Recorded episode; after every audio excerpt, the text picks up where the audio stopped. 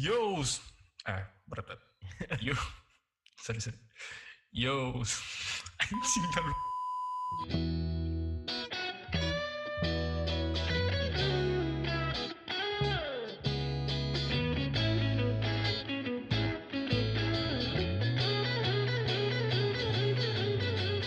Halo semuanya, kembali lagi dengan kita Beli Pandu dan Kang Abi di podcast kegelisahan.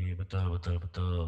setelah kemarin bikin podcast pertama, akhirnya kita nemu nemu tamu lagi nih yang cukup spesial, sangat Iya, spesial betul. bisa jadi Iya, sangat menginspirasi gue sih, Kang sebenarnya. inspirasi gue juga beli. Soalnya kan sama-sama di bidang seni nih kita nih. Sama-sama bidang seni, kita juga anak Iya. muda ya Pak. ya. Dan Iya betul betul. tertarik juga gitu dengan jalannya si tamu ini. Iya betul. Mungkin kita bisa langsung aja nih kenalan nih, Mas Pandu. Langsung aja beli nih, Pandu, beli Pandu. Masih Mas, masih Mas, beli Pandu. Jangan jangan salah manggil, Kang. Ya maaf, maaf. Soalnya bos kegelisahan nih pada ngeliat takutnya kita dipecat berdua. eh langsung aja nih manggil tamu kedua kita, Iya betul Mas betul. Wahyu Eko Prasetyo. Halo, halo, Wih, Halo, Mas. Api, Iya. lalu malam. iya. Malam Mas, apa kabar Mas Mas. sekarang? Kabar baik sih. Di, Wah. teng- di tengah pandemi gini, apakah stres atau Enggak sih. Dampaknya ekonomi oh dampaknya ekonomi? Ya itu umum lah, semua orang ngalamin. Umum. Iya betul betul umum. Iya betul betul. Mas Wahyu sekarang eh, profesinya apa sih Mas? Kalau eh, mulai 2015 ke sini sebenarnya freelan- freelancer sih lebih ke visual art. Ngerjain kayak project-project mural gitu. Commission Hmm. yang berbau event seni rupa sama eh, commission buat kafe sih biasanya. Hmm, berarti sampai sekarang nih, sampai di tengah pandemi ini. Nah, itu Iya sih. kira-kira ada yang apa namanya? Ada yang hilang nggak? Maksudnya gimana ya? Jadi kan di tengah pandemi ini kan pada krisis nih semua. Jadi Iya. Otomatis eh, istilahnya klien-klien pada lagi hold dulu nih. Banyak nggak? Iya betul. ber- berapa persen itu tuh?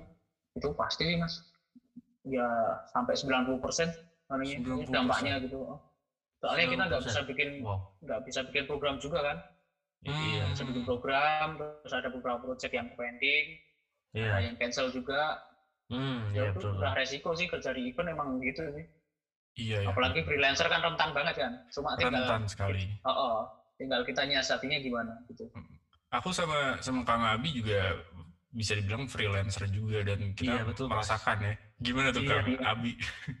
Wah, tapi ini sih apa beli? Ini ada sedikit berita baik aja kan. Kita udah new normal. Mm-mm. Ini besok Hmm. Rabu Rabu besok alhamdulillah udah mulai manggung di Kelapa Gading. Wah, Ada ada Gading Festival. Gading Festival, tapi tetap Tetap tetap new new, new normal. Bahkan protokol ini ya. iya. Jadi mungkin Oke. kita pakai face shield, pakai setiap alat setiap menit disemprotin. Hmm. Iya. Mas Wahyu, eh, sebelum kita bicara lebih jauh, kayak bisa perkenalan diri dulu nih. Karena mungkin sebagian ada yang belum kenal Mas Wahyu ini siapa sih? langsung aja ya Langsung aja. Eh, perkenalin eh, aku Wahyu Eko Prasetyo Eh, aku stay di Solo kebetulan aku kuliah di ISI Institut Seni Indonesia Surakarta Hmm. Eh, mayornya ambil seni rupa murni cuma nggak aku kelarin Hmm. Kenapa tuh Eh, Mas? ya Nggak dikelarin Mas? nah itu menarik sih jadi sebenarnya banyak hal yang melatar belakangi untuk aku nggak lanjut buat kuliah gitu soalnya emang dari awal eh, sebelum masuk kuliah juga waktu SM, SMK kan ng- ngambil seni rupa juga kan. Iya. Oh SMK ada jurusan seni rupa kan di Solo nah Hmm. kebetulan dari situ aku udah mulai kenal nih dengan banyak teman-teman kampus gitu Hmm. jadi emang dari SMK emang apa ya istilahnya udah terkontaminasi sih pikirannya udah Hmm. kayak dewasa terlalu cepet sih kalau di soal seninya loh ya jadi kayak masuk kampus gitu kayaknya apa yang dikerjain dan materi yang dikasih dosen kayak udah di SMK udah ada nih terus banyak yang eh, kayak cuma pengulangan makanya lebih banyaknya kan eksplornya di community kan Hmm. bikin kolektif Iya. bikin pameran kayak gitu Iya, iya. Tapi eh, aku kan nggak pernah kuliah di eh, jurusan seni rupa nih. Kalau misalnya kuliah di seni rupa tuh kayak gimana sih mas rasanya? Kayak eh, mungkin bisa dijelasin entah pelajarannya atau misalnya dosen-dosennya yang mungkin eh, pemikirannya lebih gimana lebih abstrak atau lebih nyeni gitu ya. Karena Enggak sih. sekarang gitu. Coba Mas Wahyu sendiri gimana pengalaman Sebenarnya- rasanya kuliah seni rupa gimana? Aku pikir sama aja sih sama jurusan-jurusan Oh, sama aja? lain. Pasti kan, oh, oh, kan, pasti kan ada basic-basicnya kan. Hmm. Hmm, hmm. Oh, kalau kayak aku kuliah di seni rupa kan hmm. pasti ada tiga hal nih yang wajib Ske- sketsa nirmana sama satu menggambar bentuk nah sketsa Hmm. itu untuk menguatkan intuisi kita ketika kita melihat objek tertentu katakanlah kita datang nih ke suatu tempat entah pasar malam ke eh, keramaian Hmm. Iya. atau gedung tertentu yang kita harus merekam objek itu dalam waktu yang cepat nih Hmm. katakanlah bisa nggak satu menit merekam bentuk itu hanya dengan medium garis nah sketsa sebenarnya mengajarkan kita buat mengasah anu intuisinya kalau nirmana eh, itu lebih ke kepekaan warna komposisi kayak gitu Kalau Hmm. menggambar itu lebih ke anu sih kayak menyalin objek oh Hmm. kayak gitu sih sebenarnya basicnya kalau sekarang loh ya Iya. kayaknya nggak harus dipelajari di kampus seni juga itu bisa dipelajari di mana pun karena sebenarnya itu mudah sih apalagi di YouTube udah tersedia banyak kan tutorial soal menggambar juga Tapi itu eh, apa namanya? Berarti Mas Wahyu ini suka sama seni rupa tapi nggak suka sama teorinya gitu. mungkin karena apa ya terlalu banyak ya itu tadi sih kerja-kerja yang sifatnya apa ya spontan gitu jadi kita ngerjain apa ketemu siapa bikin proyek apa jadi itu yang agak di kampus kan tereduksi kan apa keinginan-keinginan kayak gitu Hmm. Nah, karena kan pasti ngejarnya ke tugas semua kan. Tugasnya Apalagi malesin mas, Oh, oh. enggak sih. Cukup banyak tugasnya. cukup Cuma kan, banyak. oh, oh, kayak sketsa nih kita se satu semester harus ngumpulin seribu nih, seribu lembar Buset, HVS gitu. wow, seribu Itu yang- lembar. Oh, oh. itu belum yang tugas-tugas lain gitu. Hmm. Sebenarnya kalau orangnya rajin bisa ngejar sih. Sayangnya aku ya, Nongkrong terus ya, sih. Nongkrong terus ya mas. Tapi berarti Iya gitu sih. eh, gara-gara tugasnya jadi nggak demen ya sama kuliah gitu. Mungkin karena waktu SMK udah ngalamin sih, jadi basicnya kan sama. Jadi Hmm. kayak oh, oh, ngadepin itu lagi kayak wah kemarin udah belajar ini masa belajar itu lagi ya Iya, iya. oh, oh. terus aku nemu pola yang lain nih di community di community kan kita ketemu banyak orang kan Iya. nah kebetulan beberapa community yang pernah aku join itu emang kolektif lintas disiplin kayak anak musik anak visual gitu ngumpul jadi satu sama anak film Iya. Yang waktu aku ingat itu di waktu aku SMK nih Hmm. SMK kan ada PKL kan Oh ya. Nah itu aku milih PKL-nya ke mahasiswa nih. Kebetulan anak-anak isi Solo kan waktu itu punya studio. Nah aku PKL di studio mereka. Hmm. Nah waktu itu guruku ngomong gini sih, loh kamu ngapain eh, PKL kok di mahasiswa? Mereka kan masih belajar gitu. Hmm. Nah waktu Iya. itu alasanku gini sih, semua orang kan pasti ngejarnya ke yang profesional nih. Iya. Maksudnya cari eh, cari tempat magang yang udah profesional nih, yang udah established gitu istilahnya. Iya. Nah waktu itu aku nggak tahu sih, aku mikirnya malah kayaknya belajar ke mahasiswa lebih asik. Karena kan Hmm. kayak kita udah nyolong start duluan nih sebelum eh, angkatannya kita gitu. Jadi sebelum Iya. teman-teman lain tahu pola perkuliahan gimana, pola Hmm. komunitas gimana, kita udah tahu. Itu Jadi sel- selama eh, pas lagi diisi sama di SMK dulu ada nggak mas bedanya? Pasti adalah sedikit mungkin gitu mas perbedaan. kalau bedanya kuliah lebih kompleks sih mata kuliahnya. Jadi Hmm, kayak di seluruh rupa gitu kita juga diajarin filsafat, Oh. terus ya sama juga sih. Oh, Filsafat ada oh, oh, sosiologi ada sosiologi Buset. terus antropologi ada juga. Buset, Lengkap banget. asam lambung naik nih mas. Oh, oh, sebenarnya kompleks sih kalau seni rupa kan sebenarnya cuma bahasa kan, visual itu bahasa kan. Hmm, Pada prakteknya kan eh, secara umum kita juga harus belajar ilmu-ilmu lain. gitu. Jadi biar kita Iya. nggak cuma gambar. gitu. Bener Jadi kan oh, oh, apa yang kita bikin kan toh akhirnya nanti akan berkaitan sama masyarakat kan, publik pada umumnya gitu. loh. Bener bener bener. Mm. Karena Makanya uh, uh, banyak banget kan mata kuliah yang di, dipelajari yang kesannya emang nggak ada kaitannya sama seni. Biasanya Hmm. orang taunya seni kan gambar doang kan. Iya. Iya. Dia pada oh, karena ini akademis kan akhirnya ada pertanggungjawaban ke masyarakat kayak gitu sih. Makanya Iya. oh kayak kampusku juga ada KKN. Hmm, hmm. Jadi kita ada praktek kerja lapangan yang benar-benar terjun ke, terjun ke masyarakat. Kita juga eh, ngasih ilmu ke masyarakat yang belum tahu soal seni ini. Jadi kita eh, ngasih kayak workshop itu selama sebulan. Hmm. Hmm. Tapi Kolaborasi bareng warga. tapi itu eh, aku juga punya teman juga loh mas dari Mm. apa namanya UNEJ ya, Universitas Jember. Dia juga punya dosen eh, yang mempelajari tentang apa namanya filsuf itu. Katanya dosennya seabstrak itu abstrak banget. Kayak pikirannya benar-benar berbeda daripada dosen-dosen yang lain. Bahkan aku juga eh, punya dosen eh, aku jurusan hukum kan jurusan hukum Mhm. juga. Kita belajar tentang eh, filosofi juga gitu. Dan itu benar-benar dosennya nggak killer tapi pikirannya benar-benar kayak Iya, wah meledak banget Iya, iya. betul. itu untuk ngikutin obrolannya dia itu susah banget mas tapi untungnya dia karena dosen tua jadi kayak auto B gitu iya. bersyukur banget bisa auto B gitu ya tapi Auto B. ilmunya nggak dapet Hmm. ilmunya nggak dapet Eh, mahasiswa milih karena auto B doang Hmm. Jadi yang penting nilai gitu ya. Yang penting nilai nah kalau misalnya Mas Wahyu di kampus doang tuh yang penting nilai atau gimana mas tipe orangnya Nah, dosen kan karakternya masing-masing kan. Ada yang emang dia ngajar tapi dia juga punya community di luar gitu. Dia juga Hmm. kompeten di bidangnya kayak dia juga seniman, Mm-mm. eh, pameran ke luar negeri juga. Mereka punya kolektif. Nah, biasanya aku de- dekat sama dosen-dosen yang tipikal kayak gitu nih, yang masa mudanya juga ada nakalnya, nakalnya dikit. Ya, bahkan kalau di kampusku juga minum sama dosen biasa sih. Hmm, minum. Ah, Se- oh, secair itu. Jadi kayak Hmm. beberapa dosen emang jadi kayak temen sih jatuhnya. iya. Ngerasain sih. Kang Abi juga eh, beli pandu ya di Perfilman.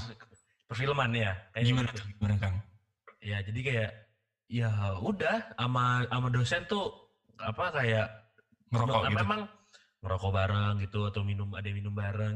Jadi apa namanya memang nggak tahu ya. Memang kalau di mungkin kita Mas Wahyu ngerasain kan kalau di apa namanya eh, perkuliahan seni gitu. Jadi kayak apa namanya sama dosen tuh mulai ngomongnya udah bukan Pak atau Bu, Mas Iya. sama Kak. Kulturnya emang cair sih. Iya, ngomongnya gua gua lu bahasa bahasa apa eh, kasar juga mungkin mungkin bagi orang orang lain tabu gitu ya ngomong kasar ke dosen tapi di di kita nyantai. Nah, itu habis itu- banget Iya, habis itu kalau di ini nih grup WA kirim-kirim stiker sama dosen, tapi stikernya yang nyeleneh-nyeleneh gitu. yang nyeleneh itu gimana bi Kang Abi Ya sudah lah. sudah Kayak gitu ya. Sama ya tahu Tahu sama tahu.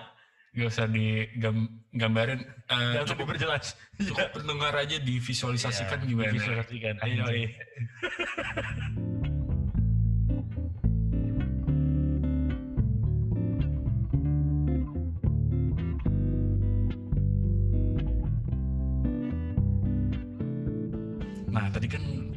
Mas Wahyu ini kan eh, apa ya nggak bisa melanjuti perkuliahan gitu ya sampai sampai Hmm. wisuda lah ya Hmm. Nah kalau misalnya pendapat Mas Wahyu nih sama akademik versus non akademik karena aku ngerasa tadi, eh, maksudnya Nah, aku ingat bahwa Mas Wahyu ngomong ah di YouTube juga bisa kok, Eh, Iya. nggak per- nggak perlu ngikutin di perkuliahan. Maksudnya bukan nggak perlu ya, eh, nanti Iya.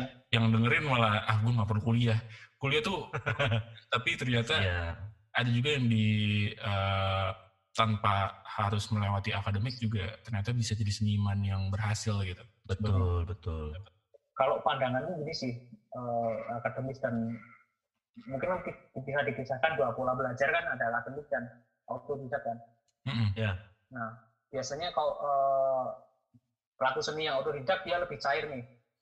Circle dan jaringan yang dia bangun biasanya lebih sporadis, dia lebih gampang nyebar gitu. Mm-mm. Nah, aku melihat peluangnya justru di wilayah yang non akademis itu. Karena Hmm. dia bisa berbaur sama street art, sama seni-seni lain yang eh, polanya nggak konservatif gitu. Nggak harus lukisan, nggak harus di frame, nggak harus masuk ke dalam galeri. Nah, Iya. kebetulan aku dari SMA udah bersentuhan sama komunitas dan nemu pola belajar yang menurutku lebih efisien. Bukan berarti kampus nggak penting, bukan. Kampus sangat penting menurutku karena lewat kampus juga kita ketemu teman-teman baru, ketemu dosen yang emang eh, punya kapasitas di bidangnya, terus ketemu banyak hal lah apa yang kita nggak dapetin di usia sebelumnya itu di kuliah dapet. Hmm. Cuma ya itu masing-masing orang kan punya pilihan nih mau pakai rules yang mana nih yang jalan lurus apa yang belok-belok. Nah kadang-kadang kan Hmm. kupikir kayak sebuah ketersesatan gitu. Iya. Nah masa muda kan pasti banyak hal gejolak kayak gitu. Iya. Iya betul. Mm. Ya kayak kita ngalamin sesuatu yang kayaknya nih kalau lurus-lurus saja nggak menarik nih. Mm. Tapi kan, oh, oh, ya aku berusaha bertanggung jawab nih dengan pilihanku. Emang kalau kuliah nggak terlalu bagus sih aku emang nilainya. Mm. Karena emang tenaganya istilahnya udah habis di luar nih, udah habis buat event. Iya. Dulu kayak oh, oh SMP, SPP gitu kan kadang-kadang ketarik buat acara juga.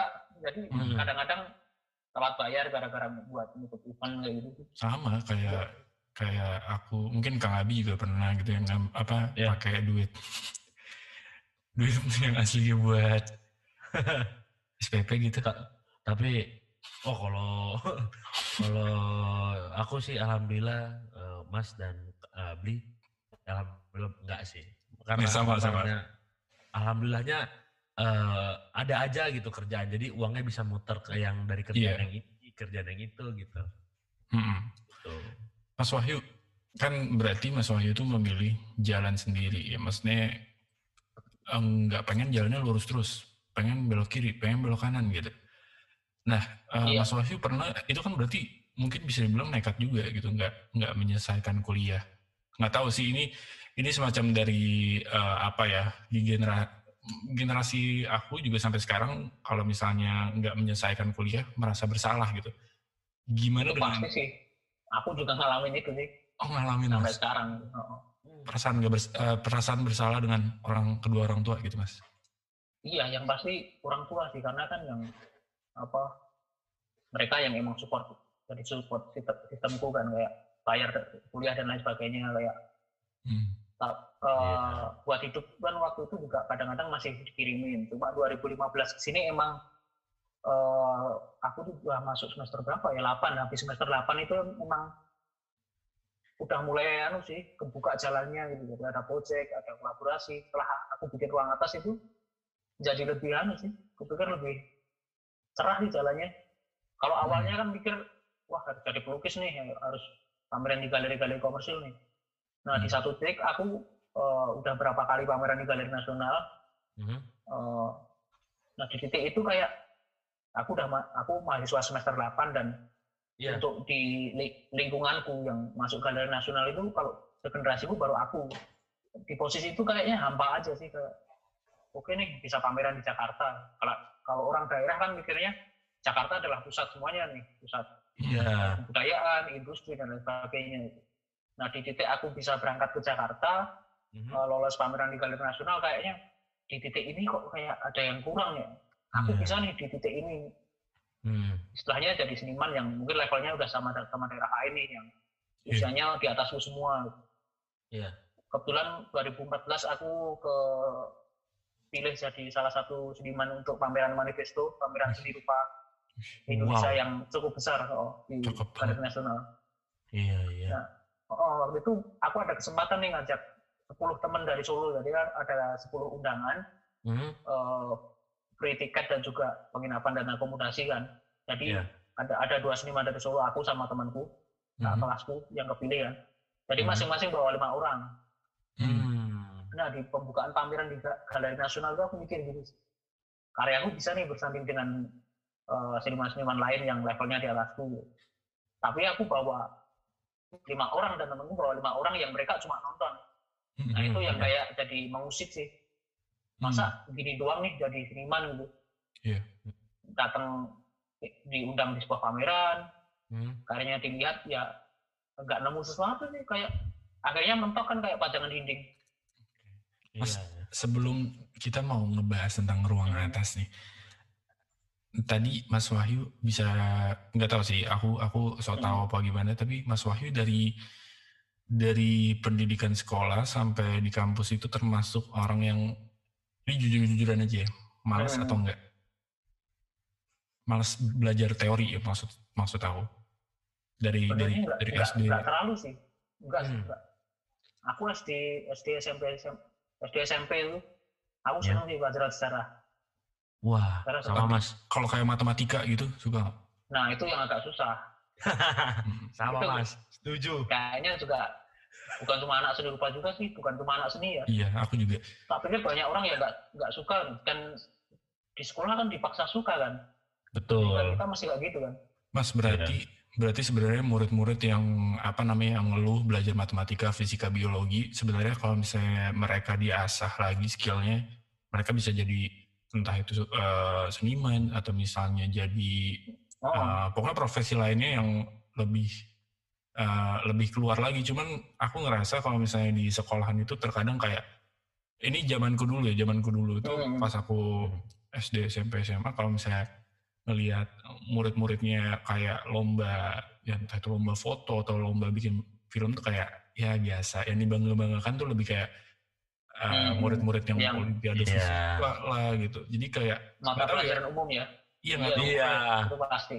melihat Mas Wahyu ini kayak walaupun gitu ya walaupun eh, sosok eh, seniman asal Solo ini nggak bisa selesaiin kuliahnya tapi ternyata juga eh, ya dia tetap bisa survive juga walaupun memang Iya. ada perasaan menyesali gitu ya dengan dengan jalur sendiri itu kepada orang tua juga tapi ya udahlah kayak eh, hajar aja gitu Iya. Ya jatuhnya kan itu udah ditanggung jawab kan akhirnya.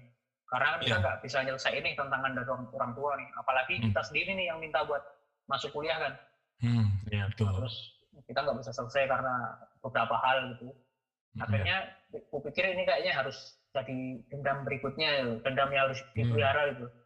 Hmm. Mungkin di titik ini kayak aku memilih untuk nggak lanjut karena aku punya pilihan dan tentunya paham konsekuensinya juga kan.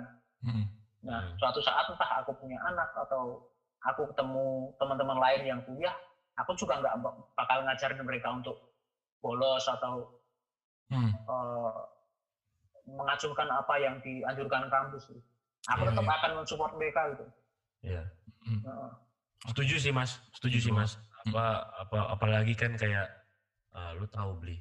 Kayak aku juga kebetulan gitu mas. Tadinya tuh aku kampus psikologi mas. Awalnya aku kampus psikologi nggak kuat dan aku nentuin pilihan gitu. Mungkin para pendengar Iya. juga eh, ada yang seperti seperti kita, ada yang mungkin memutuskan untuk langsung kerja nggak lanjut kuliah. Nah itu tuh apa namanya pilihan kalian jadikanlah motivasi ya. nggak apa-apa iya, situasinya juga macam-macam kan latar belakang orang juga. Iya betul. asal Yang bisa tanggung jawab aja sih Iya Iya, betul. gitu. Jadi dan pertanggungjawabkan itu loh. Tadi sih apa yang yang aku suka mas, apa quote-nya itu loh. Jadikan dendam berikutnya. Buh, Itu gokil sih. Mas Wahyu gokil Ya semua, oh, oh, semua orang juga ngalamin sih kayak Iya. kita sering tiap ya tiap hari lah kita pasti nemu hal yang nggak enak gitu tapi tinggal outputnya mau dibawa ke mana nih inputnya kita kan udah dapet Iya. inputnya bisa baik bisa buruk tapi keluarnya juga kayaknya harus tetap baik gitu Iya betul. pas Mas nggak bisa menuntaskan perkuliahan agak susah nggak nyari pacar Mas Wah, itu itu Random agak menarik sekali. sih Random sekali. yang di luar dari ini ya sekali-sekali di luar dari Atla gitu biar seru gitu nah kebetulan aku ketemu jodoh itu karena bikin event sih bikin program gitu hmm. nah sekarang aku udah menikah dua setengah tahun aku nikah 2017 nah itu menarik juga nih istriku bisa ya sebenarnya sampai sekarang juga belum bisa menerima sih kayak aku nggak kuliah dan sebagainya cuma kan emang kita komunikasi terus gitu kan Hmm. masing-masing orang kan punya PR dan punya Iya. ya pengalamannya masing-masing di masa lalu gitu makanya Hmm. kan eh, aku malah justru ketemu istriku itu di posisi yang aku benar-benar emang lagi down di oh kolektif juga baru gagal di Hmm. Eh, komunitas juga lagi banyak problem hmm. Iya. ya di posisi yang nggak nggak punya ruang pri- private sih Iya. waktu itu Iya. Hmm. jadi tidur di tidurnya pindah-pindah kontrak rumah juga Nomaden nggak ya? dipakai oh, oh. Hmm. kontrak rumah pun itu juga buat bareng-bareng buat kolektif jadi kayak Hmm. hampir nggak punya ruang-ruang private sih bahkan Iya. untuk nyimpen pakaian aja nggak punya dulu Waduh. Ya sekian itu sih. ya. Tapi di Iya. posisi itu ya Belajar mas ya. Selalu baik kok. Oh, Tuhan selalu baik sih Hmm. ngasih. Kalau Faris Tewi Asta, eh, seorang seniman dari Jogja, dia pernah ngomong gini sih. Kamu emang nggak bakal dikasih yang kamu pinginin. Itu nggak nggak bakal semua kepinginanmu diturutin sama yang di atas. Iya. Tapi kamu pasti akan selalu diberikan apa yang kamu butuhkan. Iya betul. Sebenarnya, oh, oh, momentum aku ketemu istriku, kupikir momentum yang itu merubah pikiranku. Wih, cakep Iya. banget. dan oh, ya akhirnya jadi yang awalnya males-malesan gitu jadi punya arah mau ngapain besok mau ngapain Iya. Hmm, ada guidelines-nya ya. iya dan karena itu akhirnya punya motivasi motivasi baru nih Mm-mm. aku 2000 berapa ya 2017 sebelum menikah itu nggak punya pekerjaan gitu masih masih lompat-lompat lah tinggal Hmm. juga masih ke mana-mana numpang-numpang nah kayak setelah ketemu jodohnya itu kayak kamu ketemu keajaiban-keajaiban kecil gitu yang Hmm. harus disyukuri ya tahu-tahu di ajak eh, ngajar di sebuah sekolah gitu itu kan kayak nggak mungkin kan untuk aku yang pola hidupnya nggak bener gitu. Hmm. itu yang oh iya ya, berarti aku masih di- dikasih kesempatan nih buat jadi lebih baik gitu Iya. Jadi kalau bisa tuh cari pasangan yang bisa apa ya? Kalau misalnya kita lagi jatuh ya di di maksudnya bisa membangun sama-sama gitu. Iya. Karena Kalau- yang- oh kalau menurut ini sih kayak kalau kita ketemu pasangan itu kayak sebenarnya kita cari musuh baru loh oh iya kamu gimana? kan tuh? oh karena kan kita ketemu diri kita yang lain ya Iya. Iya. biasanya kalau udah ketemu eh, pasangan atau orang yang cocok dia justru bisa jadi musuh kita gitu dalam tanda kutip Hmm. Kayak musuh terbesar manusia kan prasangka kan pikiran kita sendiri gitu. Iya. Kadang-kadang oh apa yang eh, apa yang ada dalam diri kita itu terefleksi lewat dia gitu. dan itu Hmm. banyak sih yang yang akhirnya juga bisa merubah pola hidupku yang awalnya nggak nggak pernah mau ngekos aku ya selalu apa ya stay-nya di tempat-tempat kolektif cuma akhirnya oh ya eh, ruang private penting juga ya kita harus punya aset punya ini ini dan yang jelas kita juga punya waktu untuk anu berpikir dan jadi diri sendiri yang di kolektif aku nggak dapat itu sih. Jadi karena kalau kolektif kan ya event dan lain sebagainya kumpul-kumpul bikin program kayak nggak punya waktu untuk diri sendiri sih. Hmm, waktu iya. ketemu pasangan aku jadi punya waktu nih buat ngobrol sama diriku sendiri kayak gitu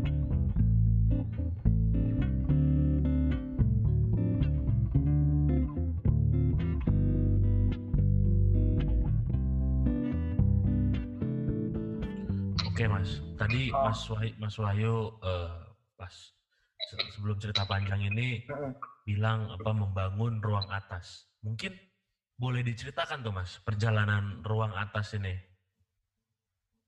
nah ruang atas ini sebenarnya sebenarnya proyek anu sih proyek setahun awalnya jadi kan Ya. karena emang waktu SMA aku pernah main ke namanya gedung Senen Solo itu Hmm? gedung bioskop yang udah mangkrak bertahun-tahun Hmm? Disulap jadi ruang kolektif kan ada beberapa bioskopnya kan itu Iya. teman-teman bikin festival film independen terus teman-teman kita bikin festival di sana Iya. oh, anak-anak SMA pameran workshop dan lain sebagainya nah kayak aku nemuin ruang-ruang kayak gitu sering pernah kalau teman-teman eh, dengar Lokananta tahu kan Lokananta Iya, tahu, tahu, tahu, tahu, tahu. Tahu. Nah, 2004 2014 itu pasca kami diusir dari kampus, kita pernah ngelola galeri kampus waktu itu namanya Kepadan Aspes. Jadi kampus itu kan pindah ke kampus utama. Hmm. Sebelumnya kan ya seukuran SD doang sih kampusku, jurusanku. Yang seni rupa kan dipisah karena emang muridnya bengal-bengal kan. Iya. iya. Makanya di, oh, oh, kayak threshold gitu sih dulu. Eh, suka ini nggak suka megang Amer terus difoto nggak mas? Kayak botol gitu, kayak selfie gitu. Kulturnya kalau di Solo es teh sih, es teh pakai plastik gitu. iya itu. Kalau Solo kulturnya Iya itu. itu. Soalnya kalau di sini agak-agak norak mas. Iya. Amer difotoin gitu sama kayak Iya. malam minggu Iya. nih gitu. Yoi. Selebrasi, namanya selebrasi anak muda kan macam-macam kan. Iya. Pakai es teh gitu, tapi nggak ini kan, nggak diikat, abis itu digigit dari ujungnya gitu. Bukan Ya ilah, dibikin gajah dulu. kayak zaman SD. oh jadi eh, gedung itu dipisah gitu ya mas ya? Oh, terus waktu itu mangkrak aku masuk kuliah kan 2011 kan. Mm-mm. Jadi galeri mangkrak itu selama empat tahun kita kelola dari eh, tiga tahun lah, tiga tahun lebih lah, hampir empat tahun. Jadi namanya Kepaten Art Space bisa dicari di Facebook dan YouTube masih ada kok dulu dokumentasinya. Iya. Nah di situ kita udah asik nih, udah bikin kolektifnya, udah jalan. Teman-teman IKJ pameran ke Solo, teman-teman Surabaya pameran ke sini. Jadi kayak uang penampungan sih jatuhnya. Apa aja Hmm. bisa masuk. Teater bisa pentas bareng warga, terus bisa bikin pelatihan untuk anak-anak kecil. Mm. Nah itu udah oke nih, udah kebentuk gitu polanya.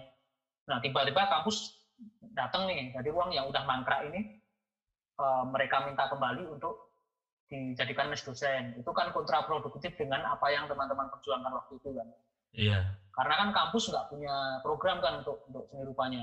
Mereka Hmm. juga seandainya punya tempat yang oke pun nggak pernah dikasih nih buat kita. Jadi ya kita pakai nih uang yang ada aja itu.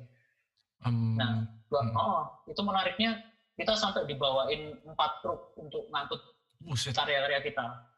Wow. empat truk. Mas, eh, itu Iya. ada ada sedikit perlawanan nggak tuh mas? Kayak, wah anarkis. Wow, itu perang sebut perang sih. Gimana Itu perangnya perang sama dosen sih. Bakar ban mas. Nah, itu lucunya waktu mobil apa truk datang itu kan anak-anak yang stay di sana. Aku lagi Hmm. pameran di tim waktu itu 2014 pertengahan apa awal gitu. Hmm. Aku sama anak-anak baru pak di sini. Otomatis kan sana kosong cuma ada beberapa orang doang kan. Iya. kebetulan kru kru kami kan baru ke pameran di tim tahu-tahu Hmm. di telepon ini anu disuruh bongkaran nih gimana mau diusir dibawain truk empat nih kebetulan eh, itu kan mau dijadiin wisma dosen salah satu yang nempatin adalah kepala jurusanku sekarang Hmm. aku tahu nih tersangkanya siapa nih yang ngompor-ngomporin orang eh, rektorat buat usir Ayo. kita Waduh. Tahu. tersangkanya udah dapet nih dosenku sekarang jadi kacur aku telepon nih Iya. waktu itu agak bengal juga sih aku langsung maki-maki nih Waduh. aku bilang ya ngomong bangsa bangsa ini Waduh. sekarang nyesel sih aku nyesel nyesel ya aku ngomong ya harusnya kamu izin dulu lah pak jangan mentang-mentang kamu dosen kamu nggak punya etika tahu-tahu muncul gitu aja ya gini-gini kami punya kontribusi bagus lah di kampus itu. Hmm. soalnya kan kalau kampus ada tamu pasti yang nemenin kita kan yang ngurusin semuanya Iya. Mm-mm. Nah, tahu-tahu nah itu dosen kita sendiri nih. Dia ngajar seni rupa tapi dia ngerusak seni rupanya kita gitu. Kita dia, dia ngerusak Oh. komunitinya kita. Itu kan kayak berlawanan nih sama tanggung jawab dia Iya. sebagai dosen kan. Sebagai dosen ya. Mm-mm. Oh, Harusnya bisa musyawarah dulu ya. Iya. oh. Nah, yang kita nggak cocoknya karena dia main datang aja. Jadi barang-barangnya langsung dikeluarin ketika anak-anak nggak di situ. Jadi kan nggak gentle nih jatuhnya. Iya benar-benar. Iya, betul, betul. Nah, waktu itu malah dia yang nangis-nangis. Jadi nggak enak juga sih sekarang kalau ketemu. Kalau ketemu. Iya, dulu kan masih Canggung. oh, oh, berapi-api sekarang juga kayaknya kalau dipikir banyak konyolnya sih kalau dulu Kalau papasan sama Mas Wahyu, oh, maaf, maaf, maaf. enggak sih tapi, tapi anu apa jatuhnya kalau di dia ngajar gitu sama adik-adik Eh, kelas ya. pasti aku dijadiin contoh tapi contoh Hmm. jeleknya pasti jangan kayak ini pasti kata-katanya gini Wahyu tuh bagus sudah pameran ke mana-mana temannya banyak Mm-mm. eh, banyak membantu acara seni gitu Oh, iya. Tapi kuliahnya buruk nah itu Mm. ke bawah sih sampai yang generasi-generasi sekarang yang Iya. baru itu selalu udah jadi cerita sih. Iya. Tapi, tapi Awalnya Mas. di- dipuji Hah? dulu, tapi ya dijatuhin sih habis itu. Iya. tapi nih, Mas. Menarik sih. Mm. Apa ini cuman mitos sih. Katanya Hmm. justru kalau kuliah seni itu justru jangan sampai lulus baru sukses. Jadi kalau orang Enggak, enggak, enggak. itu dulu mungkin iya ya. Lu mau ikutin itu nggak, Bi? Ya, ya, enggak. Eh, jangan, jangan deh. jangan dong, jangan dong. Masih mau kuliah. Gimana, Masalah, Mas masalah Wahyu? dulu ada mitos gitu mas. Makanya nih, gimana Iya. Mas Wahyu nih? Wah, ini para orang tua yang denger bisa demo nih ntar. Wah, ini kang Sekarang itu- Abi. Terus gimana, Mas? Yang penting anu aja sih sadar porsi aja sih. Maksudnya Iya betul. kita di umur berapa harus ngapain, seandainya nakal pun ya nakal yang nggak bawa efek buruk itu aja sih. Mau apa aja Iya. dicoba ya rasa aja sih waktu masih muda. Iya. Nakal tuh ya masih wajar lah nggak. Harus sih kayaknya daripada nanti telat nakal kan kayaknya ya Jangan bikin asik. prank gitu ya, Mas ya. Oh.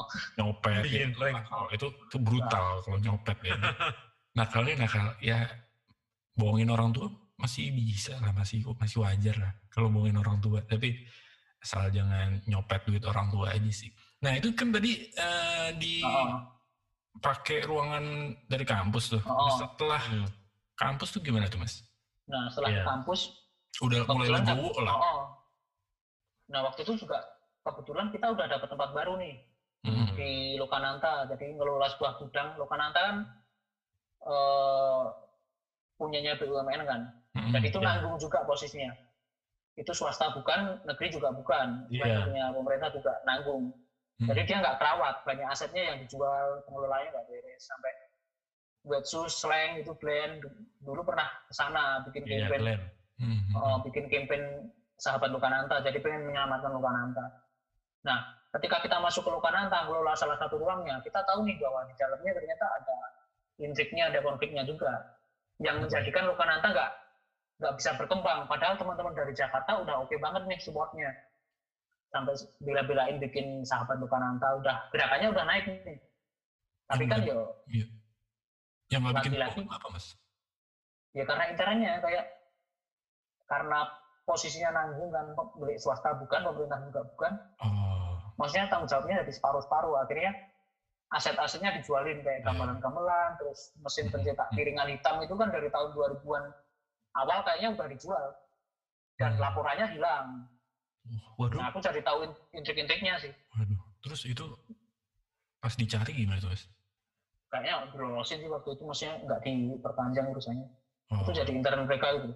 Nah kita Hmm. tahu kan wah kayaknya kalau kita selalu pakai space-nya orang gitu kita jadi nggak bisa kontrol 100% nih Mm-mm. makanya kita kepikiran buat Betul. buat eh, punya space sendiri lah. Waktu itu kan juga diajakin ke kelas kan istilahnya. Masih ada senior, jadi istilahnya kita cuma kru aja bantuin gitu. Hmm. Iya, iya. Nah itu posisi nggak enak sih menurutku karena apalagi di di Solo ya budaya ewoh pokewuh itu budaya terlalu mungkin terlalu sopan sih orang-orang Solo jadi apa ya berkembangnya agak susah. Nah di posisi itu aku mikir "Wah, kayaknya nggak bisa gini harus punya sesuatu sendiri. Mm-mm. Nah, habis dari Lukananta, kebetulan pameran di Galeri Nasional yang aku ceritain tadi.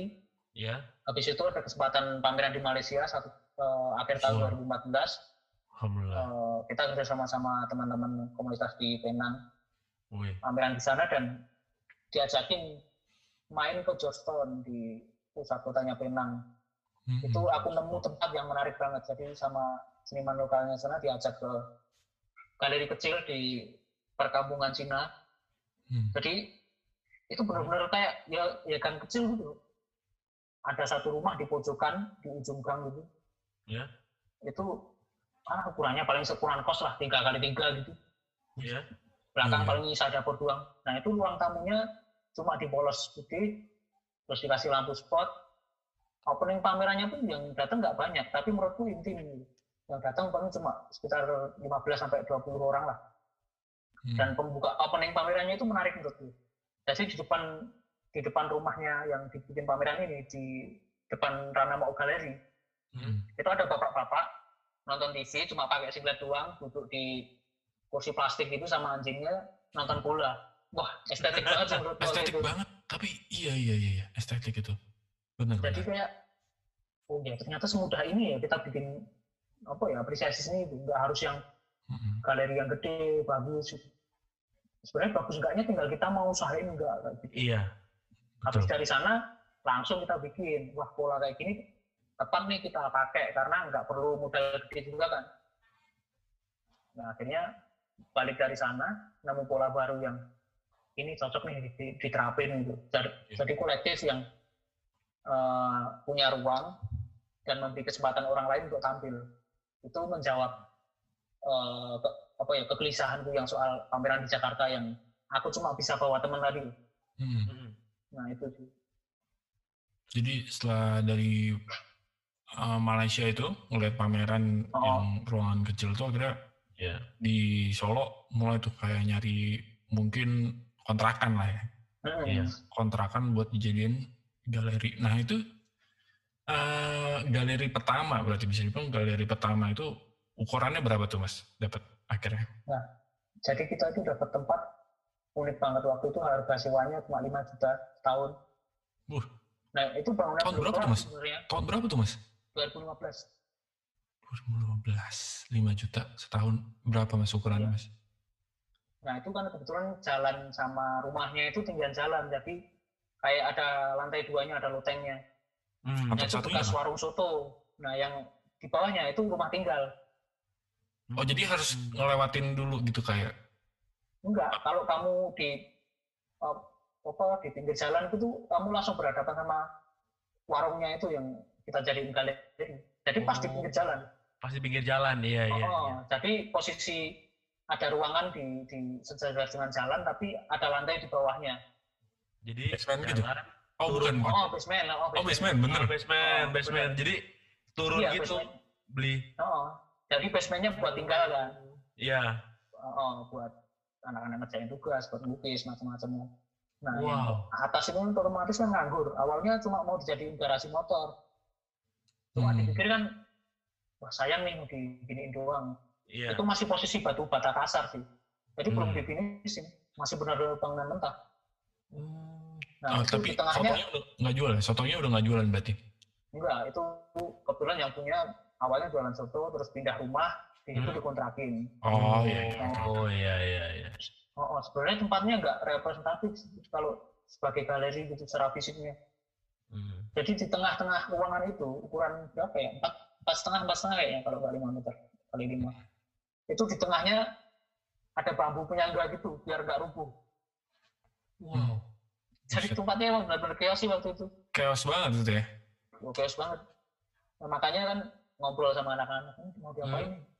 Ya udah ditutup koran aja dindingnya buat tanah. Terus waktu itu aku agak mikir, wah nggak gitu juga sih kita. Kayaknya nggak ngargain karya sih kalau cuma ditempel di koran gitu kan.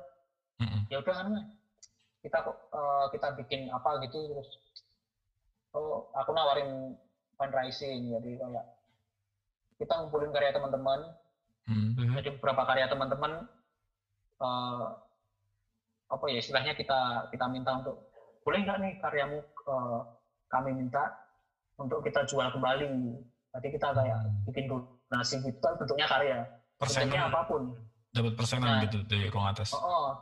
jadi nanti kita akan jual karyanya, artisnya akan mendapat sekian persen dan kami sekian persen. Mm-mm. Oh. Kebetulan banyak yang join kan, bahkan ada teman-teman yang sampai datang bawa celengan. Benar-benar Bawa- celengan, Jangan, jangan mas. celengan. Hmm. Jadi dia, dia datang kan, Mas, aku nggak punya uang tapi aku punya ini. Nah dia kebetulan waktu itu kita tukar sama eh, salah satu karya Hmm. eh, yang udah kita kumpulin. Jadi dia bawa celengan dan kita barter. Kita nggak tahu isinya berapa. Yang punya juga nggak tahu isinya berapa. Hmm. Nah, aku tanyain juga kan, loh kenapa kamu kok sampai ngasih celengan ini ke kita? Ya aku percaya mas sama kalian karena yo eh, di Solo emang nggak ada ruang yang bisa buat pameran. Aku mengharapkan ketika ruang ini jadi aku bisa jadi salah satu yang pameran di sini dan teman-temanku juga bisa belajar di sini. Nah, kayak gitu. Wow. Kalau aku kalau aku ke sana ya mas, aku nggak bawa celengan mas. Aku bawa HP, Foto-foto. buka aplikasi, scan barcode aja, scan barcode, GoPay. Ini Asik seru sih yang tahun-tahun pertama itu. Jadi benar-benar emang Iya. ya kita haus ruang kan, kita nggak punya ruang apa di Solo galeri dikit ya. Itu berapa Ada lama mas? itu, eh, apa penggalangan dana dana Eh, maksudnya setelah oke eh, kita bahas penggalangan dana dulu. Penggalangan Oh. dananya itu dipergunakan untuk renovasi gitu ya mas? renovasi oh jadi Hmm. temboknya kita halusin kita cat ulang Oh biar nggak ditutup koran ya? Iya itu kan Karena- batu kasar batu bata Karena aku akhir-akhir ini lagi nemu di Twitter, lagi nemu Hmm. tren tembok udah bagus-bagus, udah bagus-bagus Oh. mas, ditutupin Iya. koran biar estetik. Maksudnya apa itu? ya itu tergantung yang ngambil foto juga sih Iya, kalau yang ngambil kampungan juga sama aja nggak bagus kan pas mas lihat, "Wah, kok kayak ini mencuri desain ruang atas ini. nggak enggak, ya? enggak seperti itu mas. nggak Oh jadi eh, apa namanya akhirnya setelah bikin fundraising itu mulai bisa tuh eh, tanpa enggak maksudnya pakai semen lah berarti ya mas. Mm-mm.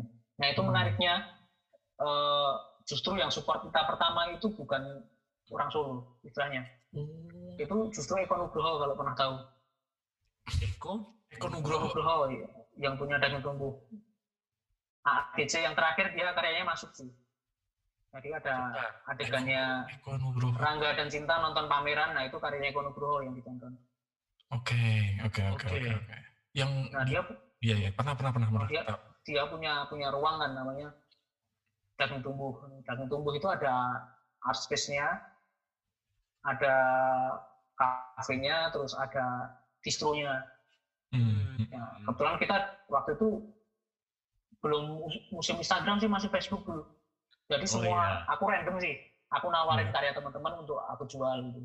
Mm-mm. Eh, narasinya adalah ini untuk proyek satu tahun kita mau bikin galeri alternatif untuk anak muda bisa apresiasi karya. gitu. Hmm. banyak yang nggak respon nih yang respon justru Eko Nugroho dia langsung gini sih jawabnya wah aku kalau beli nggak bisa tapi kalau kamu mau kamu bisa pameran di tempatku. Hmm. jadi kamu bikin pameran fundraising di tempatku Eh, nanti kamu presentasi nih sama teman-teman Jogja mau bikin apa dan mereka bisa bantu apa. Nah respon itu menurutku menarik sih karena kita inisiatif baru dapat kita baru mulai eh, fundraising yang respon langsung sangat besar Eko Nugroho dan sekelas dia aku pikir sangat-sangat apa ya ya sangat berendah hati untuk Hmm. menerima kami Hmm. yang bukan apa-apa ini gitu untuk tampil Iya. di ruangnya dan itu free free. Wow. free ya dia ngasih free selama berapa ya empat hari Sisanya bayar. enggak Sisanya Jadi- kalau empat hari itu emang sampai dari mulai dari selesai gitu, sampai Iya. selesai. Oh, oh. Jadi selama hari itu kita bikin pameran, workshop, talk show, terus ada juga eh, ya temu komunitas gitu. Hmm. Nah, dari jaringan itu kita dapat banyak sih. Kalau secara fina- apa secara finansial nggak dapat banyak, jualannya nggak dapat banyak. Tapi modal sosialnya yang akhirnya jadi penting. Nah, aku akhirnya belajar sesuatu Iya. modal sosial dari ekonomi tadi. Modal sosial tuh apa, Mas? Nah, modal sosial itu kayak gini. Eh, sebagai manusia kan kita nggak bisa hidup sendiri kan. Oke. Iya. Dalam hidup kamu pernah pasti pernah lah melakukan kebaikan sama orang lain entah Iya. pernah bantuin atau pernah terlibat apa gitu. Hmm. Nah di titik itu kan sebenarnya kamu bisa pakai modal sosialmu kayak teman-teman yang baik, teman-teman yang support, yang sepemikiran dengan kamu untuk eh, membantu kepentinganmu yang juga mewakili kepentingan orang banyak kayak gitu. Hmm. Wow. Nah Wow. akhirnya ya ketemu Eko Nugroho tadi, terus akhirnya sadar oh iya ternyata kita bikin kolektif, bikin ruang, bikin galeri itu enggak bukan soal ruangnya, ruang malah justru nggak terlalu penting. Ruang kan cuma situsnya kan, Iya, iya. itu kan cuma jadi eh, apa ya tambatan sesaat lah kayak ruangan itu. Yang terpenting kan sebenarnya kan kayak eh, bagaimana kamu bangun interaksi nih di ruang itu, terus Iya. apa yang bisa terjadi di ruang itu. Mhm. Bahkan ketika ruang itu nggak ada, kamu tetap bisa bikin sesuatu nggak? Nah, akhirnya kita melihat ruang itu kan sebagai sarana. Iya. Apalagi sekarang apresiasi bisa lewat apa aja. Bener banget sih. Jadi, Wow. em, jadi sampai sekarang kayak ruang guru kan, eh ruang guru. Ruang atas. Ruang guru. sama sih, sama. Sama sama sama. atas itu kan dibikinnya aduh belum ada belum ada sponsor kok tiba-tiba langsung menyebut merek ya tapi Habis inilah. Abis support. abis ini ya oke Amin. Eh, ruang atas ini kan gratis ya mas ya Iya. tapi kok bisa dengan em, berarti bikin event tapi gratis gitu mas gimana caranya bisa bertahan gitu padahal sedangkan ruang atas juga perlu bayar eh, kontrakan gitu kan per tahun dan mungkin ada biaya operasional yang lain Listrik. listrik Iya. wifi kalau sekarang masih di tempat yang lama nggak Ini udah keempat, empat keempat. udah keempat pindah Oh, oh keempat. empat kali pindah ya berarti yang Iya. yang sekarang masih 5 juta nggak setahun Sekarang lumayan sih 16. 16 ada empat kamar, satu ruangan, terus ada toko juga. Terasnya kita Oh. bisa eh, pakai buat jualan ayam. jualan soto Ada gitu mas Space, Pak. Enggak soto ayam. Oh, enggak Kita goreng doang. Ayam. ayam ayam Roto. Main lah Berat- tempatku. Berarti gini Oh. mas eh, kalau misalnya ke art space gratis gratis gratis Tapi pas turun, eh itu naik apa turun? Eh naik apa turun? Naik tangganya nggak? Ada tangganya gitu? Itu yang pertama, yang enggak, yang Oh ini pokoknya Ini- Kalau, kalau sekarang rumah biasa sih. masuk ada gratis, keluar eh sini lu beli ayam dulu, beli ayam dulu gitu. Enggak, Nggak gitu ya mas? enggak. Jadi Bukan Batman. Jadi mm, apa namanya benar-benar free banget deh kalau misalnya teman-teman nih nanti eh, pendengar dari kegelisahan Iya. podcast ya kalau misalnya main ke ruang atas nanti siapa tahu bikin acara kan setelah pandemi Iya, betul. Alamatnya di mana, Mas? suatu saat bisa datang Kalau di gratis. Solo eh, di Jalan Sundung Raya, Mm-mm. eh, Mojosongo, Mojosongo Solo. Itu sama kampus Universitas 11 Maret deket banget. Cuma oh, iya, iya. Nggak sampai. Itu di Solo paling timur, paling timur. Solo Hmm. paling timur, iya, iya, iya. Oke. Kita pindah-pindah sih kita. Oh ini tapi bakal kepikiran pindah-pindah lagi nggak? Ya itu pasti karena kan belum punya aset rumah, rumah sendiri kan. Oh, Ya jadi akhirnya itu jadi poin menarik menurutku juga. Akhirnya kan kita jatuhnya nggak ke ruangnya, ruang cuma sarana. Kalau ada Hmm. ruang ya syukur, kalau nggak pun program tetap jalan dengan cara apa pun. Iya, oke. Itu tadi Mas bilang kalau di Solo, emang ada di mana Oh. lagi, Mas? sel- selain Apa- ruang atas kali. Iya, selain selain ya. Oh gini, Eh, sebenarnya kan ruang atas ini akhirnya kalau ditarik lagi, sebenarnya ternyata ini bukan bukan eh, bukan ruang fisiknya. Ruang fisik iya itu sarananya, cuma sebenarnya kalau kita urutin dari obrolan teman-teman awal, terus niatan awal kita itu, sebenarnya ini sebuah platform yang kita bangun. Ya kayak kita bikin brand lah, kita kayak bikin nama gitu. Iya. Programnya bisa apa aja gitu, tapi namanya itu. Nah, menurutku pola seni yang cair, seni yang mudah diterima, seni yang bisa beradaptasi dengan bentuk lingkungan sekitarnya itu yang menurutku bisa bertahan loh. Di posisi yang kita nggak punya eh, apa, kita nggak bisa dapat eh, income yang pasti dari seni. gitu. Apalagi kita bukan tipikal eh, kolektif artis yang established kan, kita mandiri. Jadi kita Mm. eh, juga masing-masing secara personal juga hidup dari karya dari proyek-proyek eh, commission. Tapi di sisi lain kita menyisihkan sebagian pendapatan kita untuk bikin program lain. Nah program fundraising yang aku ceritain awal tadi cuma jalan dua tahun. Jadi emang sengaja aku stop di tahun kedua jadi masuk tahun ketiga kita sengaja emang stop program itu karena nggak nggak bagus juga nih psikologisnya untuk kita dan pihak lain yang terlibat kayak orang-orang yang support kan jadi akhirnya kalau kita minta-minta terus nih minta dibantu terus kapan eh, kapan nih kita bisa bantu orang gitu Independennya kapan gitu ya? iya Mm-mm. Iya. kita nggak mau juga nih eh, bikin kolektif yang kayak gitu makanya Hmm. akhirnya kita setiap tahun kan pasti ganti pola kan Iya.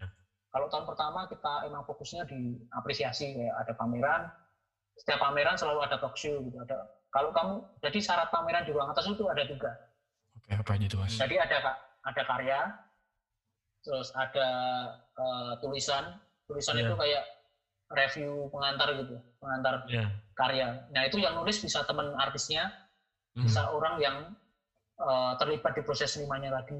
Jadi ada karya, ada tulisan.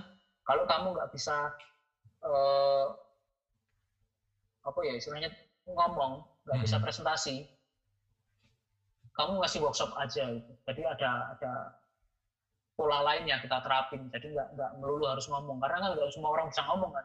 Iya. Mm-mm. Nah, jadi Mm. syaratnya tiga itu aja. Kalau tiga itu udah oke ada karya, ada tulisan dan dia mau presentasi atau workshop itu udah cukup. Yang lain bisa kita usahain sendiri dengan modal sosial yang aku ngomongin tadi. Jadi kayak Oh, Oke terus. Oh, setiap artis kan nggak bisa backup nih semuanya sendiri. Masang karya dia nggak mungkin bisa sendiri kan. Apalagi dia harus bikin karya. Terus dia harus bikin poster, publikasi, dia ngurusin untuk opening dan lain sebagainya. Iya. Itu kan sangat-sangat ribet tuh. Hmm. hmm.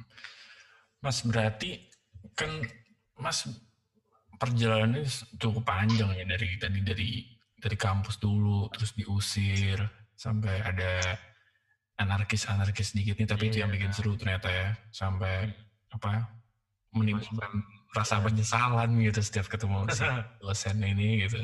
Tapi jadi jadi baik sih sekarang. Oh, jadi baik. Jadi teman, jadi teman. Gitu. Sampai jadi sohib lagi. Nanti kita kita kita bahas di podcast selanjutnya membahas tentang Eh, Mas, tapi kalau dari pendapatku ya, berarti Mas Hmm. Wahyu ini cukup cukup nekat bisa dibilang. Apalagi Iya. freelancer itu kan berarti bukan pekerjaan tetap kan. Kayak Hmm. istilahnya bisa jadi musiman juga lah gitu, Hmm. musiman. Tapi masih punya tekad yang benar-benar kuat banget gitu. Otomatis Mas Wahyu ini kan sebenarnya juga bisa dibilang ingin memajukan kota Solo nih. Tapi Iya. salah satunya dengan Hmm. cara membangun galeri ini. Apa sih sebenarnya tekad yang Mas Wahyu punya? Kenapa sampai kayak pokoknya aku harus punya galeri tapi gratis supaya mungkin seniman bisa pakai gitu. Tapi ya boleh juga sih beli ayam ayam gorengnya tadi Iya, di bawah. di bawah di, di depan galeri.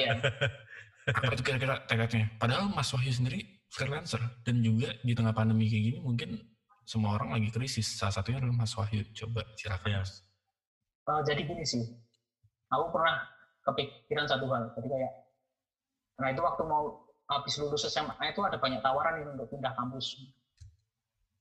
Kayak eh, Ya. mau masuk isi Jogja, isi Solo, atau mau balik kampung jadi petani. Nah, Hmm, pilihannya kan banyak nih. petani apa Akhirnya Mas? aku pilih Oke oke. Petani apa tuh kalau boleh tahu? Ya, nanam padi sih di kampung. Oh non padi. Apa Oke. aja? Oh, padi, iya, iya. Iya, terus, terus. aku petani soalnya dan nelayan. Oh. Oh, Salmon, tuna.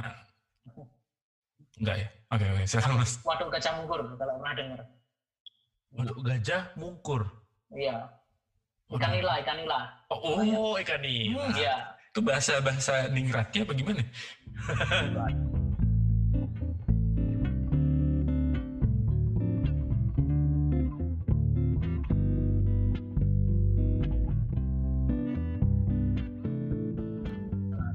Kampungku aku nggak bisa jadi diri sendiri nih karena Iya. eh, pola pekerjaan dan pola orang lain orang lain melihat takaran sebuah kesuksesan itu adalah bisa berupa material dan kamu kerja apa gitu. Hmm. Nah, di kampungku itu kayak orang yang lulus SMP kerja di Jakarta, pulang bisa beli motor, plat B, itu udah bisa dibilang sukses. Buset. Nah, tapi polanya kan repetisinya kayak gitu kan. Iya. Orang merantau, kerja setahun dua tahun, kalau cowok ya bisa beli motor, bisa ngirimin orang tuanya tiap bulan, itu udah prestasi. Dan kalau cewek kerja setahun, pulang nikah udah nggak produktif gitu. Karena emang pola pendidikannya kan masih yang itu, loh, masih yang itu lah. Tapi udah berubah kan ya mas sekarang? Nah, Apa masih lucunya di ya? kampung, lucunya di kampungku yang kuliah itu cuma dua. Waduh. Aku sama tetanggaku ada. Karena dia anak PNS kan jadi bisa kuliah. Nah, kebetulan bapak ibuku itu orang yang lulusan SD sih bapak ibuku, cuma mereka punya pandangan yang menarik soal pendidikan. Jadi semenjak aku sering ikut lomba waktu SD SMP gitu, lomba gambar, eh, mereka emang ngasih kepercayaan untuk, oke lah, kayaknya kamu emang nggak bisa bekerja di kampung gitu. Apa ya kayak mereka tahu nih kayak aku di kampung juga nggak bakal berkembang gitu. Hmm. Apalagi pilihan pendidikannya kan minim kan, cuma ada STM, SMK, terus sama SMA itu aja. Iya. Nah karena aku kebetulan bisa gambar dikit-dikit, terus dilempar ke Solo, diikutin saudara eh, untuk sekolah di sini, kelas Hmm. lupa. Nah di posisi itu kan yang semula aku nggak bisa lakuin di kampungku, bisa aku lakukan di sini. Mm-mm. Kayak kenal warnet aja aku baru di Solo. Kalau kalian mungkin dari SD udah Iya. Udah udah Dari SD. warnet, aku baru SMA nih nemu Main point blank mas. buka YouTube gitu. Sama perimbun, sama perimbun. Iya. Aku kenal YouTube itu, eh, kenal Facebook itu kayak, wah gila, ada kayak ginian ya. Jadi kayak kita bisa terkoneksi dengan orang yang nggak nggak mungkin bisa kita, kita temuin di Iya. Kehidupan seharian. Mm-mm. Iya, iya. Nah di lingkungan seni aku nemu nih seniman-seniman yang bisa diakses di Facebook. Di grup Selama gitu ya mas ya. Anu, du- dulu kan kita bisa nge-add orang kan, kayak Mm-mm. sekarang Iya. follow. Iya, iya. Iya. Nah kita bisa stalking nih. karyanya dia, aktivitasnya dia, hidupnya dia dan lain sebagainya. Nah kita biasanya nemu-nemu info seni di situ sih Facebook. Oke. Nah, Terus oh, terus nggak bisa nih kalau aku kayaknya kalau pindah ke kota lain gitu kayaknya karena Hmm. semua udah bisa dilihat dari Solo gitu. Makanya yang kepikiran adalah menjadi berguna di kota ini kayaknya lebih menarik daripada menjadi besar di kota lain karena kalau menjadi besar di, eh, Jogja itu udah biasa karena galeri banyak. Hmm. kurator banyak, penulis, kampus seninya Ya. juga nomor satu di Indonesia gitu. Iya. Ya sama ITB 11-12 lah anu levelnya gitu. Hmm. Wah. Tapi kan mereka yang paling banyak melahirkan seniman kan. Hmm. Kupikir kalau menjadi besar di sana, ya akan menjadi layer keberapa dari tatanan seni yang tumbuh di kota itu. Iya. Nah, tapi kayaknya berguna di kota ini, ini kayaknya lebih menarik karena istilahnya aku masih punya utang nih sama Solo gitu, ketemu banyak orang, ketemu Hmm. banyak senior-senior juga yang sampai sekarang utangnya belum bisa aku bayar sih utang-utang apa ya jadi kalau malam kan kita sering bisa ngobrol kan karena Iya. di Solo jauh dari orang tua mau pulang jam berapa nggak ada yang marahin kan Iya. jarang pulang juga malah Hmm. ngobrol sama mahasiswa sampai pagi gitu. dulu ya masih anak SMA kan masih subuh kan cuma Hmm. dengerin doang dengerin tapi kan pikirannya gerak terus kan utangnya jalan terus Iya. Iya. Hmm. Betul. gitu. Oke nih Mas. Apa mungkin eh, kan kisah eh, Mas Wahyu sangat inspiratif banget nih. Ada pesan atau kesan untuk anak muda yang sedang berjuang dan eh, bermimpi gitu. Walaupun mereka berada di posisi yang bisa dibilang eh, apa ya kurang lah gitu Mas. kita emang nggak selalu dikasih yang itu tadi yang kita pinginin, tapi kita selalu dikasih yang kita butuhkan. Iya. Nah di titik ini kan sebenarnya kita nemu nih kayak teman-teman yang lain yang sebenarnya kita di posisi yang, yang sama gitu. Hmm. Hmm. Support secara materi kita pasti nggak mungkin nih. Apalagi latar belakang juga eh, la- latar belakang keluarga juga eh, emang bukan yang menggeluti seni dan emang punya materi banyak gitu. Hmm. Jadi emang punya keterbatasan di situ. Nah dari keterbatasan itu kita Iya. mikir kayaknya kalau kita mikir sendiri-sendiri ini nggak bakal jalan. Apalagi Solo kota kecil eh, yang emang istilahnya cuma jadi kota transit sih, Nggak- Hmm. bukan kota besar yang emang dia jadi pusat kebudayaan gitu. Dan Hmm. Hmm. sampai ada yang ngomong Solo itu nggak bisa jadi kota seni, bisanya jadi kota kuliner. Hmm. Sampai ada yang bilang kayak gitu karena makan murah di Solo. Iya. Kamu punya uang 15.000 ribu bisa makan Seminggu. kali di Solo. Seminggu bisa. Enggak, enggak. Oh enggak, enggak ya. Ya numpang-numpang bisa sih. Iya. Numpang-numpang. kucing enak tuh. Karena Murah ya. 15 Di ribu Solo itu oh, oh, apa-apa murah. bagi makanan orang gitu. Oh, oh. Apa? Tapi Mas? repotnya apa? Jadi minim pressure di kota Solo itu. Karena enak Iya. kan apa-apa murah juga kan. Hmm. iya. Nah, kita nggak punya pressure. Makanya kayak kalau kita nggak ngasih peluang sama orang lain, ya hidupnya stuck juga. Makanya Hmm. dengan bikin ruang itu kayak kamu ngasih kesempatan untuk dirimu berkembang dan Hmm. kamu ngasih kesempatan orang lain untuk belajar di tempatmu. Uh, Ya kayak gitu. cakep. Berarti Wow. dari dari eh, ruang atas itu Mas Wahyu belum kepikiran tuh untuk menguntungkan diri sendiri, tapi lebih baik menguntungkan eh, masyarakat banyak Itu khususnya. otomatis sih aku pikir. Jadi kalau kita istilahnya gini lah, kita ngasih peluang untuk orang lain, Hmm. itu ya jadi kayak anu sih. Amal ya. Itu oh, oh kayak amalan. Jadi sebenarnya untung itu cuman cuman eh, berbentuk duit ya mas, tapi dengan kayak kebanggaan gitu kayak kebanggaan. Wah gue bisa bikin galeri sendiri ternyata dan Oh, masyarakat sebenarnya kalau tahu gitu. kalau kebanggaan aku kurang sepakat sih. Aku lebih kayak ya mencoba berguna aja untuk dirimu gitu. Daripada nggak ngapa-ngapain, Iya. ya kan? Ya Pak, lingkungan terdekat lah yang paling bisa kita sentuh kan, karena Iya. nggak mungkin lah kita ngomongin politik, kita nggak paham juga. Iya, iya, ngomongin soal- sama-sama. Ya, yang paling bisa kita sentuh lingkungan sekitar. Iya. Ya dengan kamu membantu orang lain, memberi ruang dan kesempatan orang lain untuk tampil, kita pasti akan diberi panggung juga oleh orang lain. Kayak aku hari ini ketemu dengan teman-teman kegelisahan art, Heeh. itu kan juga karena mahasiswa. Hmm. Dan aku ketemu mahasiswa juga karena ruang atas juga. Jadi emang kayak variabel yang akhirnya terhubung. Benar, benar, benar. Kan kita nggak kenal kan, bukan satu circle juga, beda kota. Hmm. Tapi kan energinya akhirnya menarik untuk Iya. ketemu gitu. Iya. Dan bisa nyambung gitu juga itu itu keren banget sih bisa nyambung. Nyam- nyambung sama ini sih apa tadi ceritanya Mas Wahyu tadi tuh yang sama Mas Eko itu Hmm. yang yang apa saling apa belajar apa sosial tadi tuh. Oh, oh. Jadi ada, sosial. eh, ada aja jalannya gitu. Ada aja dari Oh. Mas Isak juga kan dia Iya. sebagai advisor. aku- Salut juga sih sama Mas Isak. Mas Isak keren banget itu. Oh, oh. Dia nggak nggak belajar seni secara formal, tapi dia tumbuh secara organik gitu. Dia benar-benar Mm. ya aku ketemu dia itu baru berapa kali ya. Maksudnya awal-awal kita ketemu sekali atau dua kali kita ngobrol, oke mas karyawan menarik kita pamerin di ruang atas gitu. Ya nggak perlu banyak bicara itu langsung aja hajar itu. Ajar aja. Dia bawa karya dari Wonogiri naik motor, kita sediain openingnya, kita pameran dan lain sebagainya, ada workshop, dia dapat teman, aku dapat program, dapat portfolio.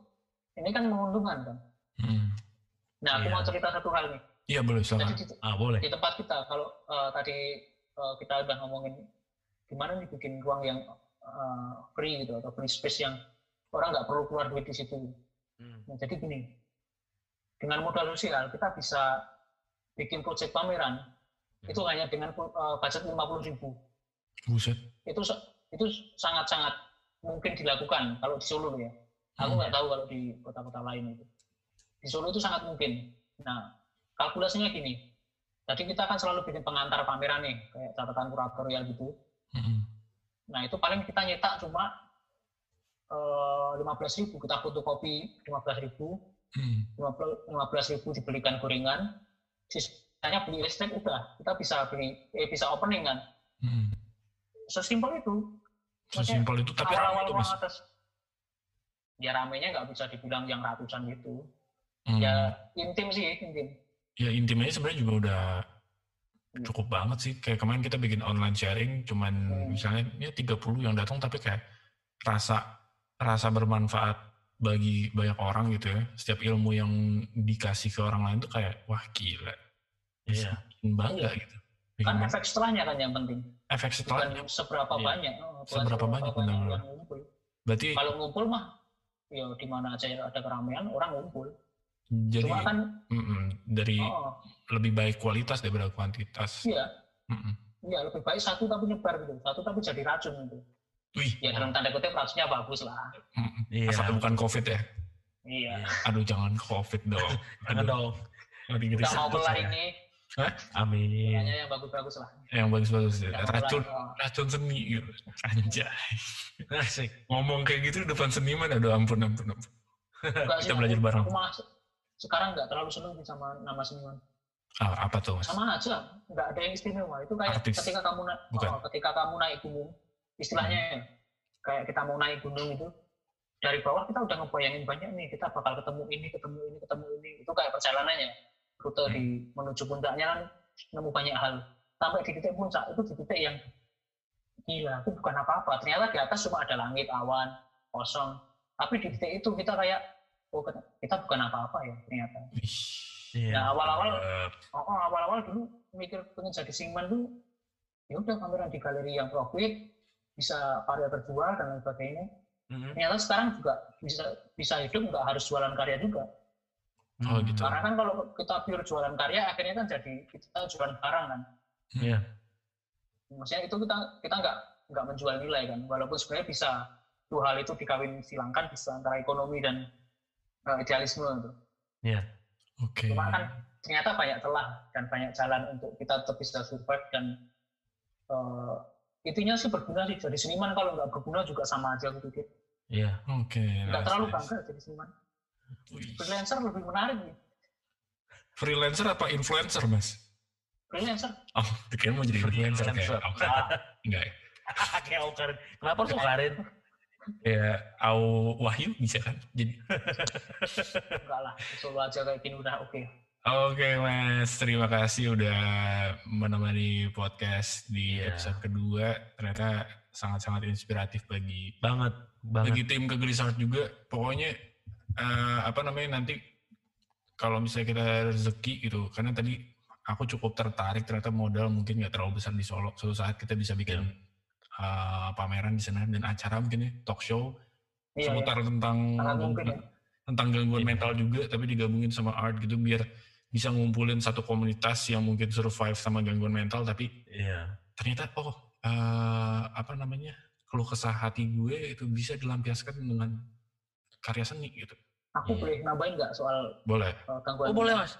boleh boleh boleh Sebenarnya Ya. kayak kenapa banyak orang yang akhirnya memilih seni jadi jalur yang dia pilih gitu. Mm. Jadi karena dia mengalami gangguan gitu. Hmm. Sebenarnya kan kayak karya karya seni ya visual ya. Kalau menurutku itu kayak salah satu cara untuk uh, kayak menunjukkan bahwa kita bisa menutup celahnya kita itu, Mm. Iya. tahu nggak? Jadi karya karya seni itu kan kalau menurutku ya itu buat menambal aja, menambal entah menambal luka masa lalu, menambal uh, memori masa lalu yang nggak enak dan ruang terapi juga. Sebenarnya akhirnya ketika kita sadar sekarang seni itu sebenarnya bukan melulu suatu yang biasanya sifatnya eh, fisik gitu, yang lukisan, yang harus di dinding, yang harus mulia gitu. Mm. Seni sebenarnya bisa melebur dalam apa pun. Gitu. Kalau menurutku Iya. sekarang justru seni yang baik adalah yang melebur di tindakan dan perbuatan. Itu sih. Wow. Jadi sebenarnya nggak penting sekarang seniman. Siapa aja punya kesempatan yang sama kok untuk tampil. Wih, Iya. Andy Warhol pernah ngomong bahwa berapa? yang Iya. nyiptain logonya Coca-Cola Iya. bahwa di masa depan orang bisa terkenal hanya dalam waktu lima menit. waduh, Di masa depan. Oh, gimana tuh mas? Dia ngomongnya udah berapa puluh tahun yang lalu Andy Warhol. Oh, iya, Dan iya. sekarang terbukti kan lewat Instagram, TikTok dan lain sebagainya. Oh iya juga sih, nggak bisa Iya. nggak bisa disalahin juga ya. Hmm. Dan seniman itu emang harus selalu sakit loh menurutku. Soalnya Karena Kalau bakal dia- banyak kompetisi gitu ya. Iya. ya iya bisa itu salah satunya. Soalnya kalau dia waras, dia logis, ya dia akan menjadi nabi ya. Oh, Ya dia tetap gila gitu. Iya. Iya kalau waras malah bahaya. Ya. Soalnya Iya. udah merasa sempurna kan nanti jadi nabi-nabi baru. Iya. Udah Oke. sih. Ya, Iya. Jadi Makasih banyak. itu aja Iya. makasih banyak. Mas Wahyu eh, udah sharing sama kita semoga nanti eh, isi podcastnya bermanfaat Hmm. bagi pendengar Amin. Amin. Amin. dan juga ke depannya semoga kita bisa kerjasama terus dan ya jadi Iya. jadi teman terus lah. Uh, Iya. Iyalah, collab lah kita. Iya. uh, collab mas. Siap. Film, Boleh lah. musik, Bikin- sikat. Film, musik, Sikat, lukisan itu itu di belakang juga bisa tuh nanti dijadiin. Oke nanti pokoknya ditunggu aja teman-teman. Iya. Uh, Itu kalau main-mainnya juga di Solo.